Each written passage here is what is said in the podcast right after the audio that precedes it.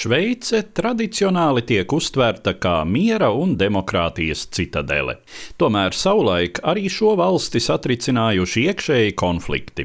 19. gadsimtā, kad visā Eiropā dunēja sīvas cīņas starp revolucionārajiem un konservatīvajiem spēkiem, arī Šveicē šo spēku konfrontācija noveda pie pilsoņu kara.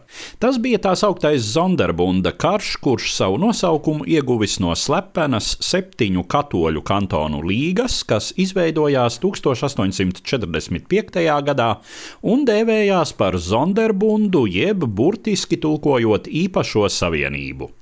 Konfliktam Šveicē bija vairākas desmitgades ilga priekšvēsture. Tā aizsākās 1815. gadā, kad pēc Napoleona sakāves tika likvidēta viņa izveidotā Helvētijas republika un atjaunota iepriekšējā Šveices savienība ar ļoti lielu kantonu autonomiju un likumiem, kuros bija saglabājušies daudzi arhaiski elementi. Attiecīgi nākamajās desmitgadēs par Šveices progresīvo spēku mērķi kļuva kā liberālāka kantonu iekšējā likumdošana, tā jauna konstitūcija, kura apvienotu valsti ciešākā konfederācijā un sniegtu plašākas tiesību garantijas federālā līmenī. Pēc 1830. gada vairākos kantonos liberālie spēki miermīlīgu protestu ceļā panāca likumdošanas izmaiņas - varas atzaru nodalīšanu, baznīcas šķiršanu no valsts, cenzūras atcelšanu un vispārējas vēlēšanu tiesības. Tikām citur liberālā virzība sadūrās ar sīkstu konservatīvo spēku pretestību. Galvenie pārmaiņu pretinieki bija vecie pilsētu patrīcieši, kuri sargāja savas tradicionālās privilēģijas, un jo sevišķi katoļu garīdzniecība un ar to saistītās aprindas. Cīrihē 1839. gadā pūlis no apkārtnes ciemiem, konservatoru sakūdīts, iebruka pilsētā un padzina progresīvo kantona valdību valdību, Ārgavā līdzīgi nemieri beidzās ar konservatoru sakāvi, un tā kā daudzi kūdītāji bija katoļu mūki, Ārgava slēdza visus klosterus. Atbildot uz to, konservatīvā Lucerna ieaicināja par skolotājiem jēzuītu ordeņbrāļus, un tas savukārt izraisīja vietējās liberālās opozīcijas bruņotu sacelšanos, kurai pievienojās liberāli partizāni no citiem kantoniem.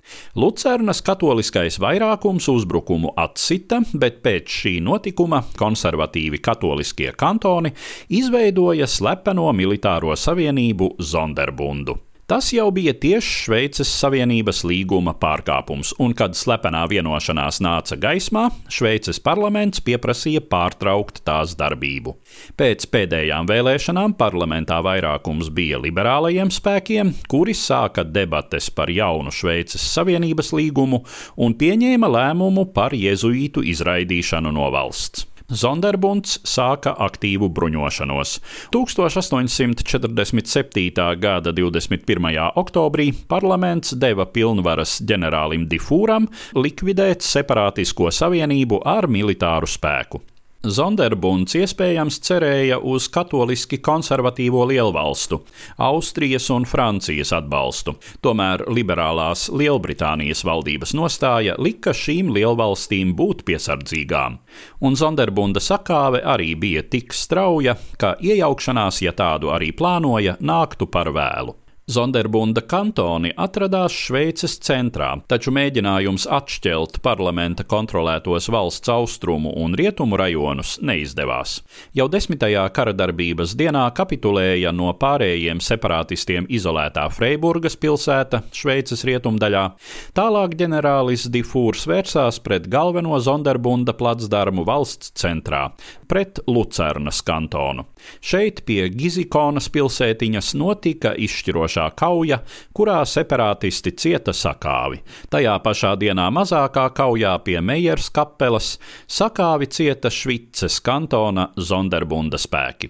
Tālākā pretošanās kļuva acīm redzami bezcerīga, un Zonderbunda kantoni cits pēc cita kapitulēja, karam noslēdzoties 1847. gada 29. novembrī. Sakautajos separātistu kantonos pie varas nāca liberālākas valdības, un Šveices parlaments parlaments ķērās pie jauna pamatlikuma izstrādes, pārveidojot valsti modernā konfederācijā, kuras konstitucionālie pamati Šveicē pastāv joprojām, stāstīja Eduards Liniņš.